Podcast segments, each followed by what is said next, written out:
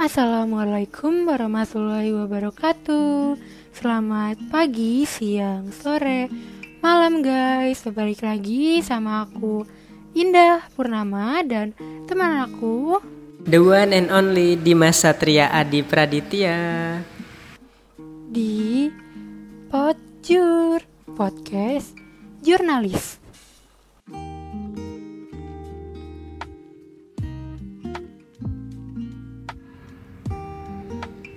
Dan kali ini kita akan membahas soal CJ. Siapa CJ? Penyiar Prambors? Tidak dong. CJ, Citizen Journalism. Let's enjoy.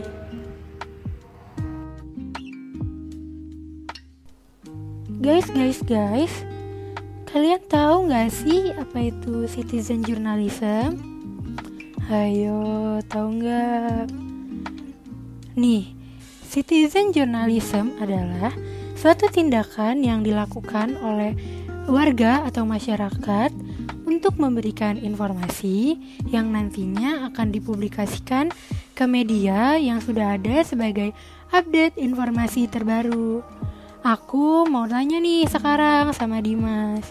Menurut Dimas, posisi citizen journalism saat ini dalam ranah media di Indonesia itu gimana sih? Coba-coba gimana nih?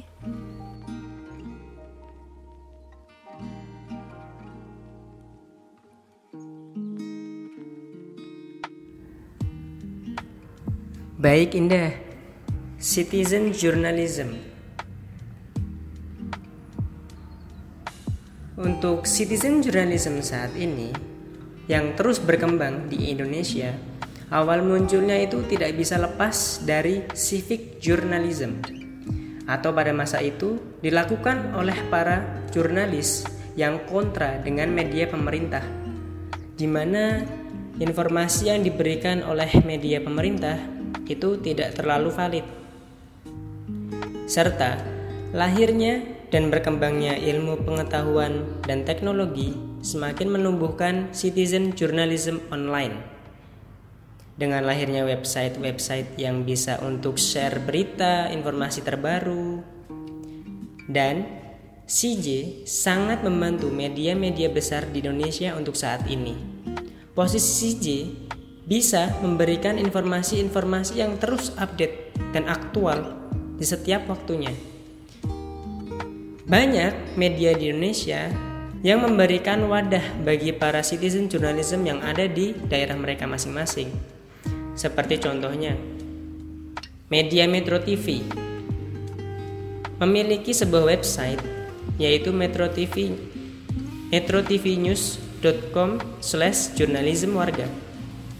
Lalu di Net TV ada yang namanya Net CG dan juga memberikan kesempatan untuk para warga tampil dalam acara Apa Kabar Indonesia di setiap pagi Lalu di Kompas itu ada website yang namanya kompasyana.com dan juga program acara Sahabat Kompas TV. Serta di Tribun News ada yang namanya jogjatribunnews.com slash cg dan juga Tribun News cetak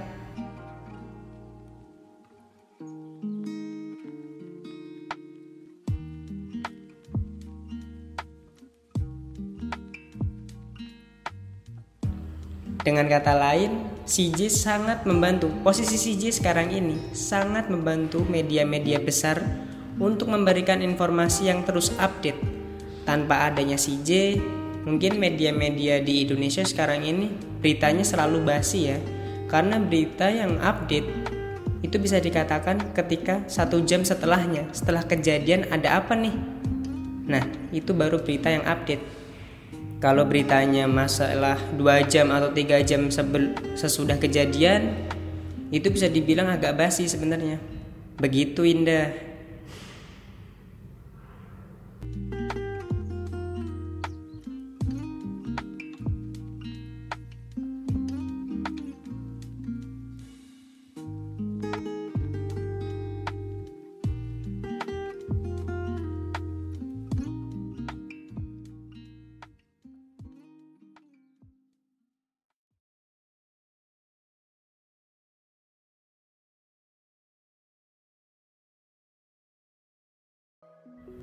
Sekarang giliran aku nih yang mau nanya sama Indah.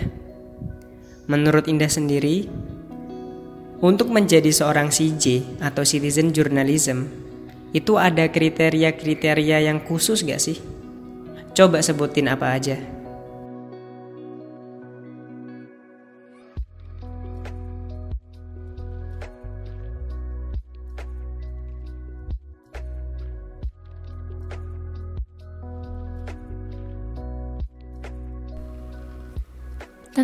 Dong untuk kriteria yang harus dimiliki oleh seseorang ketika ia ingin menjadi citizen journalism.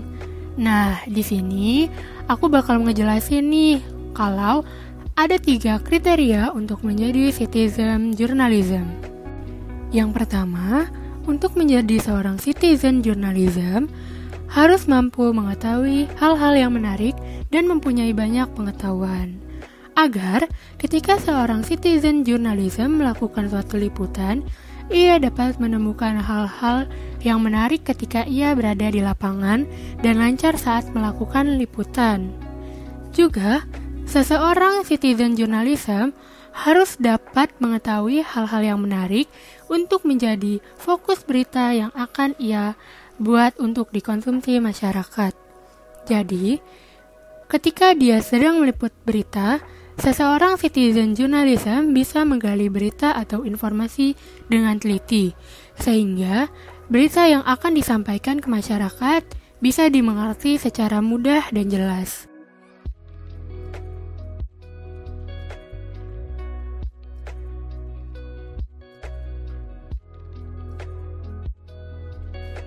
Kemudian, yang kedua adalah Seseorang citizen journalism harus mempunyai rasa ingin tahu yang besar. Ketika seseorang citizen journalism mempunyai rasa ingin tahu yang besar, ia akan menjadi lebih teliti dalam mencari data, informasi, dan fakta untuk sebuah berita. Rasa ingin tahu ini dalam konteks yang positif ya guys, bukan yang negatif. Kemudian, semakin pandai seorang citizen journalism dalam mencari dan menggali berita, semakin pandai juga ia mengenali nilai-nilai berita, yaitu 5W1H.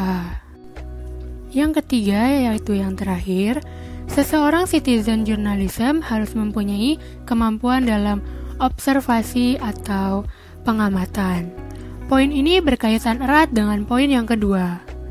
Seseorang citizen journalism kalau hanya mempunyai rasa ingin tahu yang besar, namun tidak memiliki kemampuan dalam mengobservasi, sama aja bohong. Tetapi, kemampuan mengobservasi ini bisa dilatih loh guys. Kemudian, kemampuan pengamatan atau mengobservasi yang kuat dapat menghasilkan berita yang menarik, lengkap, dan tertata rapi. Dengan menggunakan observasi yang baik, maka berita yang akan disiarkan atau akan dilaporkan bisa dapat lebih berbobot nantinya. Seperti itu saja nih Dimas untuk kriteria-kriteria yang mau menjadi citizen journalism. Selanjutnya kita akan membahas apa ya Dimas?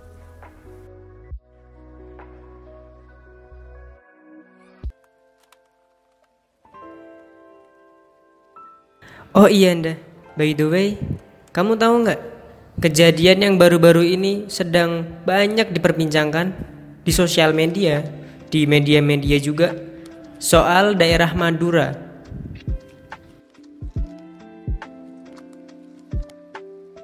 Oh, persoalan yang di daerah Madura. Tahu-tahu ada kok liputannya dari salah satu citizen journalism di akun Twitternya @ano9itmr. Dia membagikan tweet soal banyaknya warga Madura yang datang ke jembatan Suramadu. Dan juga mereka yang ada di sana menyuarakan tiga tuntutan, yaitu yang pertama, hentikan penyekatan yang diskriminatif. Yang kedua, tentang lakukan swab tes antigen di tempat hiburan dan tempat kerumunan lainnya di Surabaya. Dan yang terakhir adalah mereka minta untuk wali kota Surabaya harus minta maaf kepada warga Madura. Kurang lebihnya sih itu ya yang aku tahu mengenai permasalahan yang ada di Madura sekarang.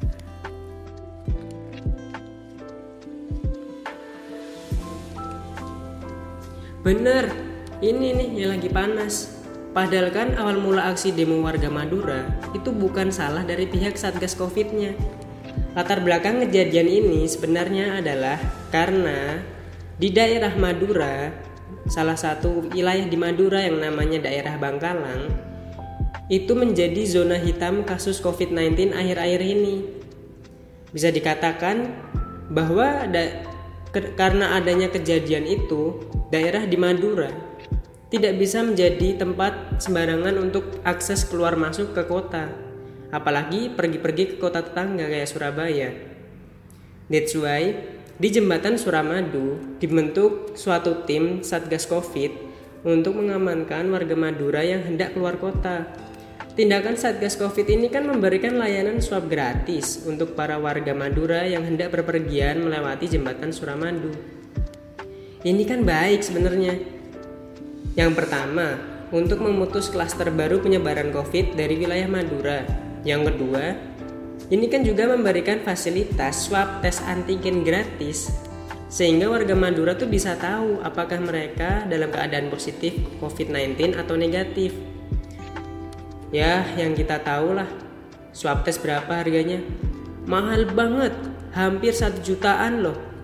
Begitu.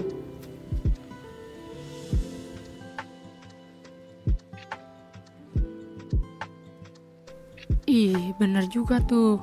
Orang udah disediain gratis, tapi nggak mau ya. Terus ya, Dim, ada yang lebih parah lagi. Ternyata beberapa kasus oknum dari warga Madura ada yang pergi keluar kota tanpa ngikutin aturan swab tes antigen gratis terlebih dahulu loh. Bisa dibilang mereka oknum-oknum yang lolos dari Satgas Covid waktu di jembatan Suramadu. Tindakan-tindakan yang begini deh yang ngebuat banyak warga Madura jadi bertanya-tanya. Kok mereka nggak swab antigen? Tapi saya harus tes antigen dulu. Bisa dibilang, kegiatan swab test ini juga membutuhkan waktu yang lama kan? Warga Madura merasa terlalu lama menunggu. Ya, akibatnya banyak kerusuhan deh di jembatan Suramadu yang akhir-akhir ini terjadi. Hah, gitu deh, Dim.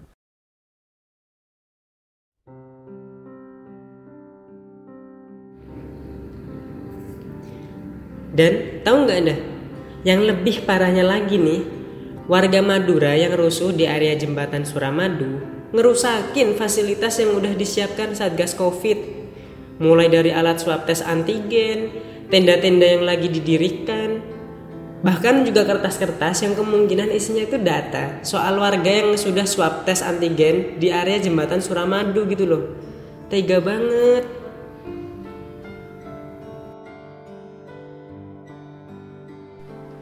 Ya Allah, kasus di sana benar-benar panjang gitu ya. Sampai-sampai wali kota Surabaya harus meminta maaf ke seluruh warga Madura. Dan juga warga Madura meminta dihentikan swab testnya untuk area jembatan Suramadu. Ya, kita doakan saja semoga kejadian ini cepat nemuin titik terang. Amin. Dan everything is gonna be okay. Amin. Kita doakan aja buat uh, seluruh warga Madura dan Surabaya semoga uh, cepat selesai dan aman terkendali.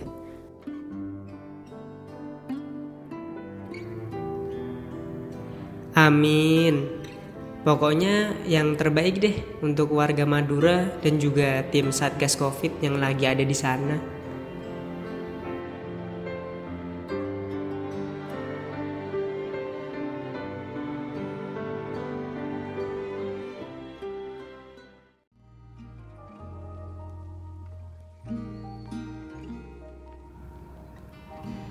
Oh iya, topik terakhir tadi merupakan topik terakhir kami pada kesempatan podcast kali ini teman-teman.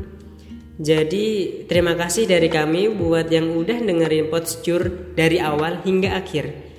Mohon maaf teman-teman kalau mungkin ada salah-salah kata dan juga kata-kata yang kurang berkenan untuk kalian. Dadah semuanya. See you. Sampai ketemu lagi ke episode-episode podcast jurnalis selanjutnya.